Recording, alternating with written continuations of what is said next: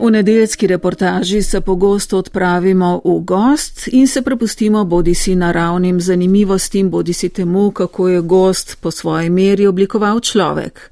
Tokrat gremo na eno od številnih gozdnih učnih poti v Sloveniji. Kdo so pravzaprav tisti, ki si gozdne učne poti zamislijo in jih postavijo, kakšen je njihov ustvarjalni in logistični proces že pred prvim uradnim sprehodom, odkot so se črpale ideje za vsebino poti, poti in kako se jih vzdržuje. Vse to je med drugim zanimalo avtorja tokratne odaje Ambroža Kvartiča, ki se je na gozno učno pot na Golem Brdu na severnih obronkih Polhograjskega hribovja v občini Medvode podal skupaj z njenima snovalcema.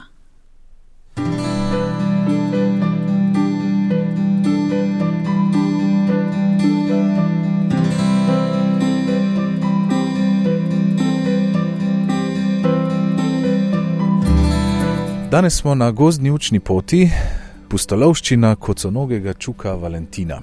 In sicer se odpravljamo na jesenski sprehod, prepustili pa se bomo vodstvu Danaje Kek in Simona Trampuša, ki sta tole gozdno učno pot zasnovala, izpeljala in se, verjamem, po njej že sprehodila veliko krat. Lepo pozdravljena. Živja. Živja. Koliko krat pravzaprav sta se že sprehodila in s kakšnim navdušenjem greste na pot tokrat? Ja, mi dva smo v bistvu že pri tem, ko smo se odločili, kje bo pot potekala, želela nekaj narediti v bližini najnega doma. Zaradi tega, ker smo imeli v vidu predvsem to, da bo nekaj prinesla prebivalcem Golega Brda, kjer se danes tudi nahajamo. In je bilo pač treba narediti znotraj krajovne skupnosti, tako da gremo lahko veliko krat peš tudi z najnimi tremi otroki in da lahko povabimo na to pot tudi vrčevske prijatelje um, in vse ostale otroke, ki se tukaj ali v bližini šolajo ali so pa tukaj doma, tako da so bila res že veliko krat tukaj. Se ne naveličava, um, tudi skrbimo vsakič, ko gremo na pot. Tako da pogledamo, če so polne knjižice, svinčniki, potem je treba tudi um, napolniti uh, kartuše za štampilke, pobrisati uh, table in marsikaj še zaurediti. Začenjamo seveda na začetku, na prvi postaji tele pustolovščine, kot so nogega čuka Valentina. Smo na Golem Brdu, v bistvu na obrobju oziroma začetku pohokrajskih dolomitev, tako smo tudi zbrali ime in glavnega junaka, ki nas potem vodi po tej poti. Glavni junak je tukaj, izrezljan, iztesan iz enega kosa lesa. Pozdravi obiskovalca že takoj na začetku. Kakšna je njegova zgodba? Zakaj kot so nogi čuk, zakaj Valentin? Ja, ko smo se odločali, kako bomo osnovali tematiko gozdne učne poti, sva bila oba prepričana, da potrebujemo glavnega junaka, ker je namenjena mlajši publiki. Tako da sva potem želela najti kakšno žival, ki bi bila primerna ali za to področje, ali bi pa mogoče nosila še kakšno dodatno sporočilo ali pa dodano vrednost.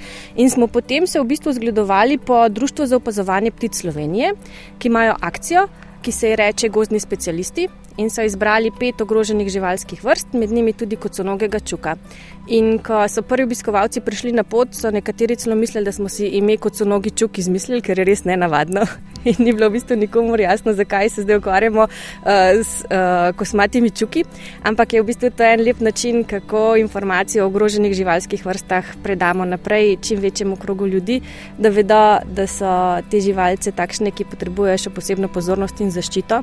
Samo ime pa je čuk dobil po uh, najnem sinu, Valentinu ki ima sicer še dve sestrici, ampak mogoče pa oni del prihodnosti kakšno drugo uh, gozdno učno pot dobita na kakšni drugi lokaciji. Koliko je pa vaj in Valentin eh, čuku podoben v smislu nočnega vedenja? Jaz mislim, da imajo veliko, veliko, veliko skupnega. In ravno danes smo se našli, ko sem bila pri njemu vsaj dve uri po noči, pa potem še pri sestrici. Tako da naslednjič mora pomisliti, kakšno drugo žival izbrati, ki spi po noči in je budna pod nebi.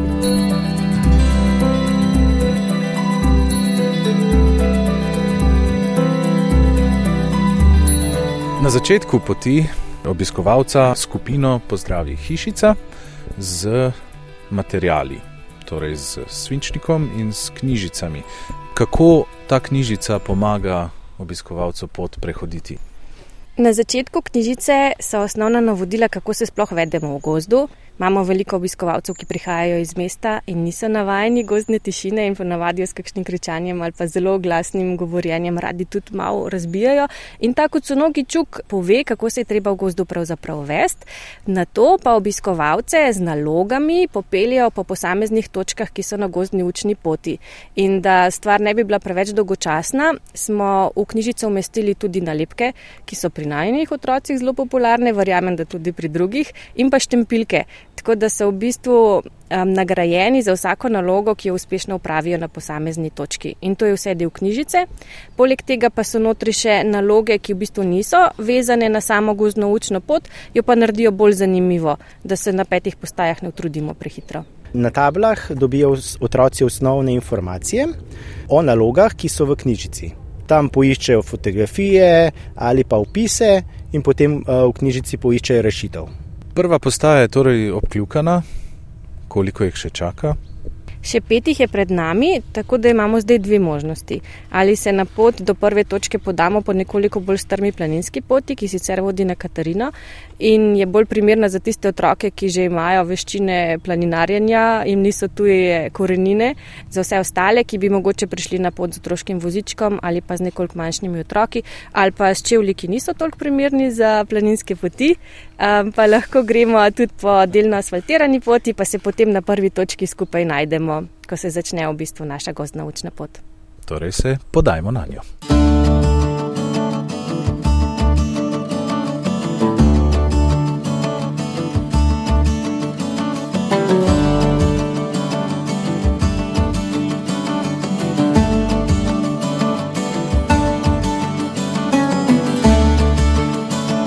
Sprehajamo se mimo planinskih kažipotov. Koliko je torej gozdna učna pot umeščena na že obstoječe poti? Pravzaprav celotna gozdna učna pot poteka po planinski poti na Katarino, od Slavkovega doma do v bistvu izhodišča spode pod Hrastom, kamor se pa lahko odpraviš tudi na Jeterbank ali pa na Petelinec. Gozdna učna pot smo umestili na že to obstoječo pot, ki vodi na Katarino, tudi z namenom, da naredimo otrokom ta izlet bolj živahen, bolj prijazen, da se lažje odpravijo starši. Ta je bila tisto, za katero sem bila prepričana, da bo potem lahko tudi vzdrževala in pazila na njo v prihodnosti, ko bo mogoče potrebna tudi kakšne malo bolj obsežne obnove.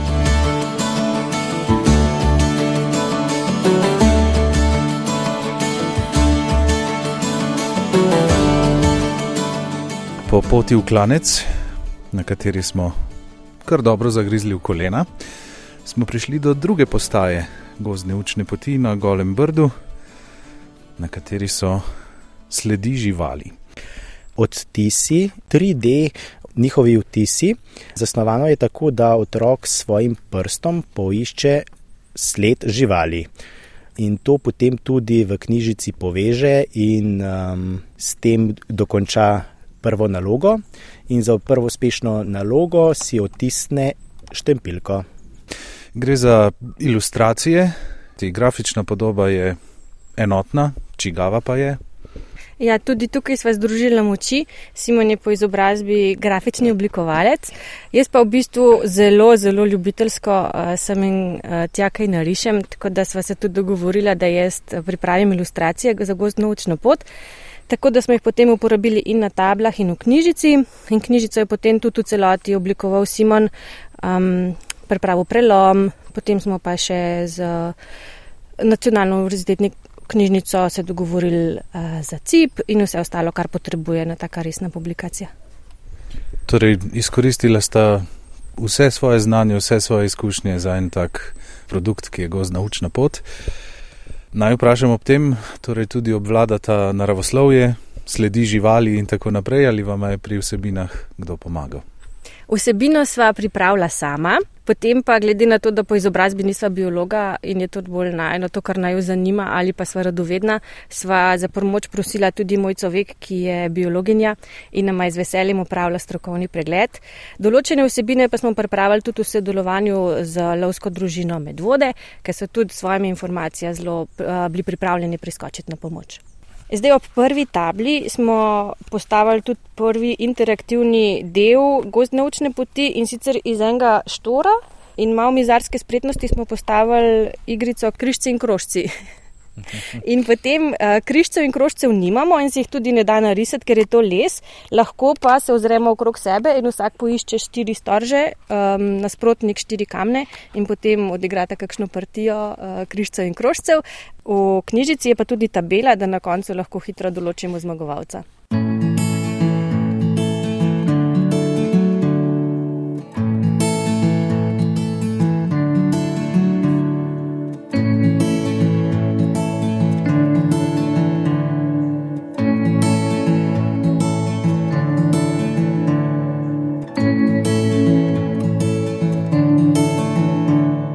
Če gremo čisto na začetek, recimo na sedenje doma ali pa na sprehod po gozdu in na prve ideje, ki so se porajale o gozdni učni poti, kdaj je to bilo, kako so se zares rojevale?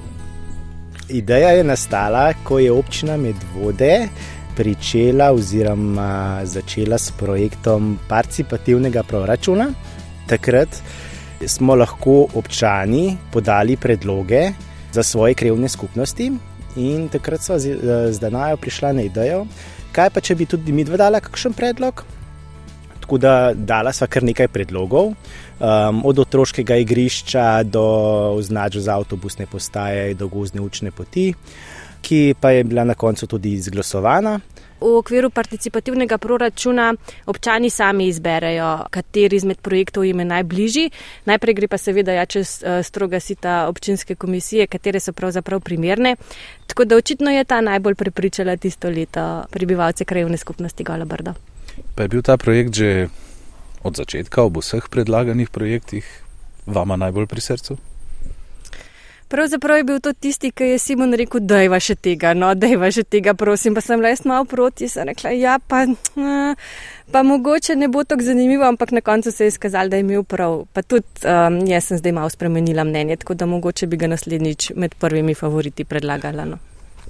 Potem pa, ko so bila sredstva dodeljena, kako sta se lotila prvih korakov? Najprej so bili pogovori na občini, tam smo tudi iskali idejo, kako bi to sploh naredili. Na občini so že delali neke uh, table in te stvari pri Hrašah, uh, kjer je Bajer. Um, potem smo dali malo popraševanja po ponudbi, ampak so bile cene tako visoke, da smo rekli, da potem bi lahko postavili samo neke dve table. Uh, kaj, če bi to probali mi to sami narediti? Potem smo se pa lotila, se pravi, da naja s pripravo besedil, ilustracij, jaz z oblikovanjem, povezal sem se s tiskarno, katero sodelujem, in pa s uh, dobrim prijateljem Klemenom iz Mizarstva Kuralt. Um, on ima zmeraj ideje glede le, uh, lesenih stvari, uh, veliko idej, kako bi, ne, kako bi to lahko zapeljali, izpeljali, da se bo to vrtelo, da bo to stalo mi dva sta prišla z idejo k njemu, on pa je potem znal tehnično to rešiti. Tukaj moramo tudi omeniti pomoč občine Medvode, ker ključno je, da smo znotraj tega čudovitega gozda dobili tudi soglasje lastnikov, da lahko na njihovih zemljiščih stojijo naše označevalne table in tukaj so nam res pomagali, so oni komunicirali večinoma z lastniki. Prišlo je tudi do mečkanih težav, ko niso bili pripravljeni, da bi na njihovih zemljiščih stale take table, pa smo potem morali skupaj ali osebno iti pa razložiti, eh, čemu bo namenjena gozdna učna pot ali pa pač poiskati drugo točko, kjer so bili lastniki pripravljeni sodelovati. Ne smemo pa pozabiti tudi na planinsko društvo Medvode, ki je tudi poskrbelo za to, da smo lahko ob tej poti na Katarino postavili te eh, table, kajti to zahteva tudi določena dovoljenja in um, soglasja iz Planinske zveze Slovenije. Koliko časa je torej minilo od neke, pa niti ne zasnove, prijave projekta do potem prvega sprehoda? Minilo je pol leta. A, ne več. Ne. Ko smo pa bila enkrat soglasja pridobljena, pa potem uh, ni bil več tak problem um, speljati. In kako ste otvorili gozdno učno pot? Ja, tega dogodka smo se res veselili. Um, najprej smo povabili seveda vse družine, ki smo jih midva poznala, potem pa še uh, malo širše prek občine, tako da se je te otvoritve našega pohoda odeležil tudi županec Mole. Um, pa različni predstavniki, ki so nam pomagali tudi pri izvedbi gozdne učne poti, tako da na koncu nas je bilo res kar veliko in smo potem ta um, izlet zaključili tudi z manjšim praznovanjem, s pogostitvijo, tako da nam res ostaja v lepem spominu kot ena otvoritev, mogoče zaključek enega projekta, hkrati pa šele začetek njegovega življenja.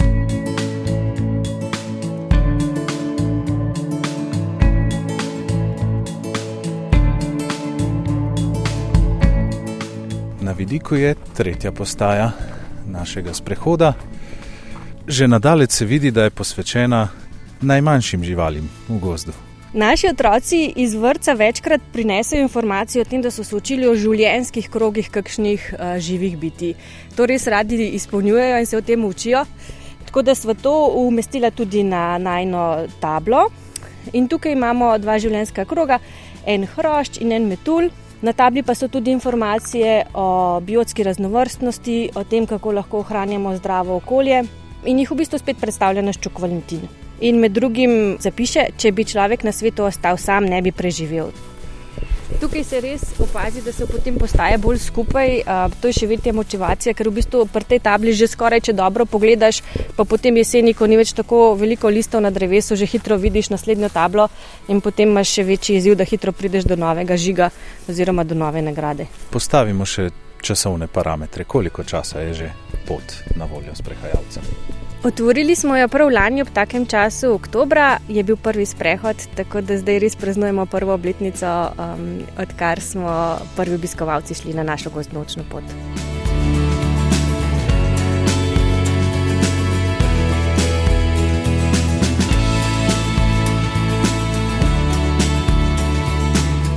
Kakšen je bil prvi vtis, prvi odziv, ko so se po gozdni učni poti sprehodili tudi prvi otroci, ki jim je namenjen. V bistvu so bili vsi uh, otroci še niso znali tega skomunicirati na tak način kot starši, predvsem uh, z veselim tekanjem sem in tja. Ampak starši so bili pa res presenečeni, da se da na tak zanimiv, um, privlačen način te vsebine predstaviti, ker ponavadi te gozdne učne poti, ki smo jih navajeni, so zelo uniformno zasnovane, rjave, niso preveč interaktivne, bolje namen podajanja informacije za starejše otroke. Tukaj pa res lahko tudi mlajši pridejo na svoj račun in skozi igro izvajo informacije, ki bi jih drugače samo starši lahko prebrali na tablah. Torej, igra je glavno vodilo, Ja, res smo si želeli, da bi bilo čim bolj interaktivno, da bi imeli zraven dovolj motivacije, nekih spodbud, zato da bojo stvar tudi dokončali. Hkrati pa res nismo želeli pozabiti na tematiko. Eh, skupaj z junakom Čukom Valentinom se pogovarjamo o ohranjanju biotske raznovrstnosti, tako da tudi. Vsebine na tablah so v bistvu takšne, da spodbujajo ozaveščanje in pa iskanje informacij o tem, kako lahko ohranjamo ta gost, v katerem se nahajamo tudi za naslednje generacije predvidevam, da ste bila na prvih sprehodih zraven. Kako sta vidva doživljala obiske teh tabel in pač igro in navdušenje? Ja, občutki so bili res uh, fenomenalni, uh, res je lepo videti nasmejanje otroke. Predvsem pa pač ti pohvale staršev, da, si, da je to res nekaj dobrega, to ti da dodatno motivacijo in energijo, tudi sedaj za vzdrževanje in um, skrb.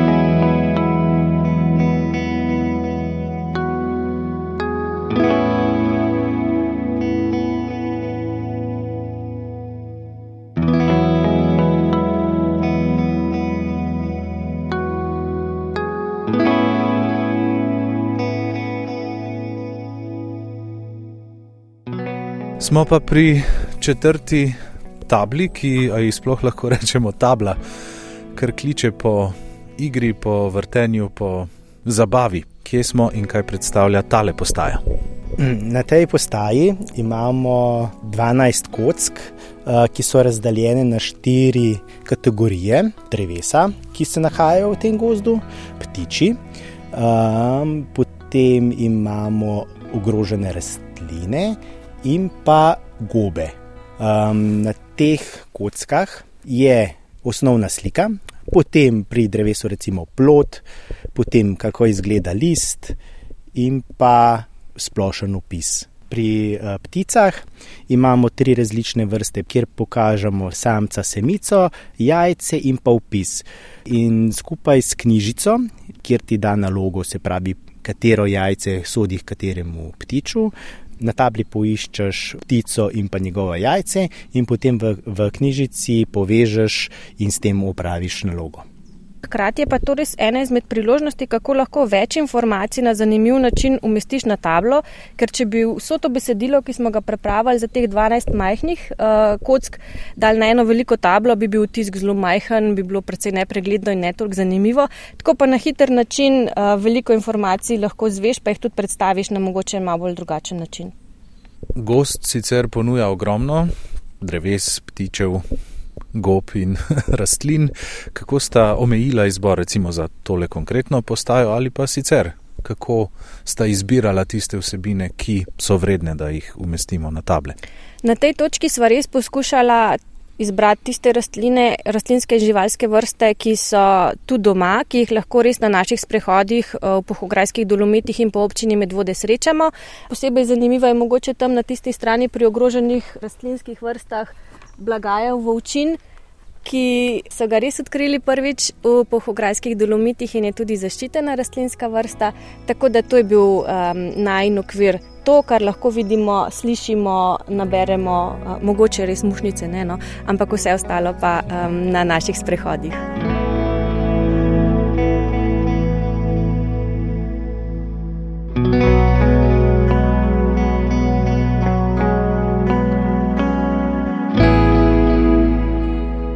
Ali in kako je ta legozna učna pot upeta v siceršnje dogajanje v kraju, v občini, je morda vključena v kakšno turistično ponudbo?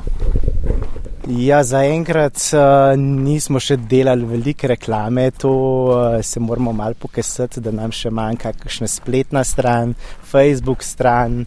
Uh, in pa seveda uh, potrebno je moramo dodati tudi na spletno stran Vizit med vode, med točke, kaj si ogledati oziroma kaj obiskati v občini med vode.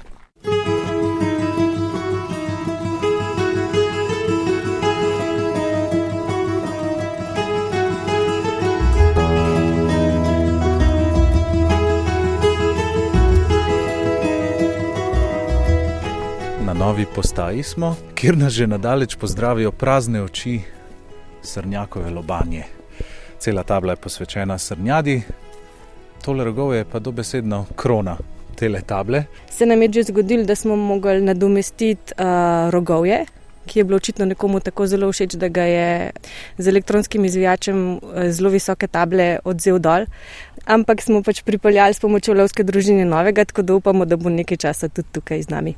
Torej, sta pripravljena tudi na potencijalne vandalizme, kaj vse se lahko zgodi. Ja, um, niso si mislili, da bo kakšna stvar izginila, ampak nažalost je zgodilo tudi to. Na srečo pa imamo tako dobro lovsko družino, da so nam priskrbeli novo robanjo z rogovjem, tako da smo zdaj to postajo zopet opremili, tako kot je bila v začetku zasnovana. Mhm. Je pa mogoče ena zanimiva povezava med srnami in povzročanjem škode. V naši družini zelo velikrat slišimo, joj, srna je prišla na vrt, spet ni solate, škodo dela, tako da smo pa v bistvu to tudi vključili malo vsebino knjižice, bolj za hec kot za resno, kot ena interno šalo. Tako da glih na tej točki se je potem zgodilo, no, da sicer druga um, živalska vrsta povzročila škodo, ampak je podoben. srna človeku solato, človek srni rogove.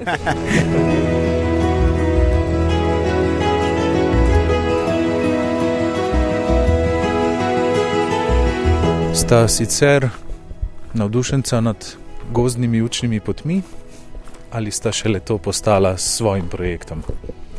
V bistvu bolj navdušenca nad kakšnimi sprehodi, pa izleti v naravo. Hkrati pa je bilo treba zdaj nekako to počasno narediti zanimivo tudi za mlajšo generacijo, ki pa še ne vidi čara v samih sprehodih, pa izletih, ampak potrebuje dodatno spodbudo. Tako da posledično smo tudi nekaj obiskali in moram priznati, da nam je oba zmotilo, če kakšne table ali pa kakšni interaktivni pripomočki niso bili takšni, kot so bili zasnovani na začetku, ker so se pač z uporabo ali pokvarili ali jih je bilo treba malo popraviti. In sva si res želela, da narediva našo takšno, da bi se čim manj stvari lahko pokvarilo, tiste stvari, ki jih je pa pač treba vzdrževati, pa sva bila odločena, da jih bova redno vzdrževala, zato da čisto vsak obiskovalec pride na pot takšno, kot je bila zasnovana. Tako da v bistvu res tiste majčkane stvari, ki so naj zmotile druge, smo potem pa želela pri nama narediti drugače in mislim, da zaenkrat nam gre kar dobro.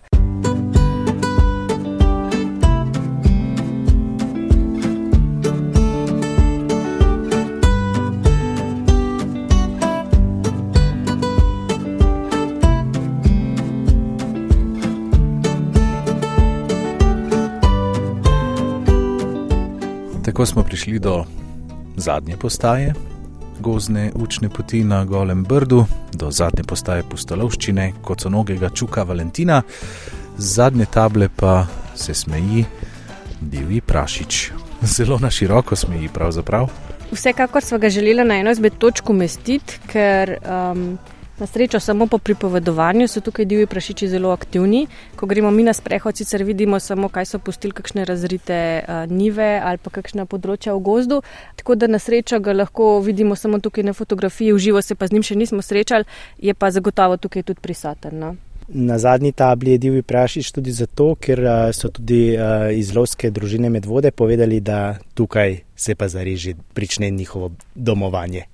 Ja, sicer lahko podaljšaš izlet na Katarino, tukaj je tudi smerokaz za druge uspetine v pohograjskih dolomitih, tako da če je to premalo, absolutno lahko podaljšaš s kakšnim bolj planinskim usponom nečesa bi si pa še želela, kar pa ta gozdna učna pot ne omogoča in to je, da bi jo naredili lahko krožno. Um, ker zdaj se moramo v bistvu počasi vrniti nazaj po istih postajah, pa mogoče dopolniti uh, še kakšne naloge, ki nam uh, ob prvem delu izleta niso uspele. Uh, bi si pa res želela, da bi lahko, če bi šlo tukaj, nažalost to ne gre, speljali tako, da bi se potem krožno vrnili na izhodišče. Ampak uh, glede na to, da so naloge različne uh, in jih je nekoliko več kot je postaj, je tudi za nazaj dovolj dela, zato da otroci ne obupajo, preden se vrnejo na izhodišče. Ob tem pa moramo vprašati, je torej že kaj idej za razširitev, obogatitev vsega skupaj ali je to le že dokončano delo? Ideje so, bomo pa videli, ali bomo imeli dovolj energije, sredstev, da bomo to dopolnili. Ja, meni res veliko pove to, da je knjižic uh, že skoraj zmanjkalo, da bomo res v prihodnih mesecih počasi morali začeti razmišljati o kakšnem ponatisu. Tako da to um, mi res uh, daje vedeti, da smo naredili nekaj, od česar imajo otroci korist in da ko enkrat dobijo informacijo ali v šolah, vrtcih ali pa starši sami, da z veseljem pridajo in jo tudi večkrat obiščejo. Naj bo torej konec gozdne učne poti na Golem Brdu pustolovščine kot so nogega čuka Valentina, hkrati tudi konec naše oddaje. Hvala, da naja Kek in Simon Trampuš, da sta nas sprejela, popeljala skozi gost od table do table in nam pravzaprav dala tudi nek uvid v to, kako nastane ena taka gozdna učna pot. Ja, iskrena hvala tudi za današnji obisk in vse poslušalce vabimo, da se v kratkem vidimo na gozdno učni poti na Golem Brdu.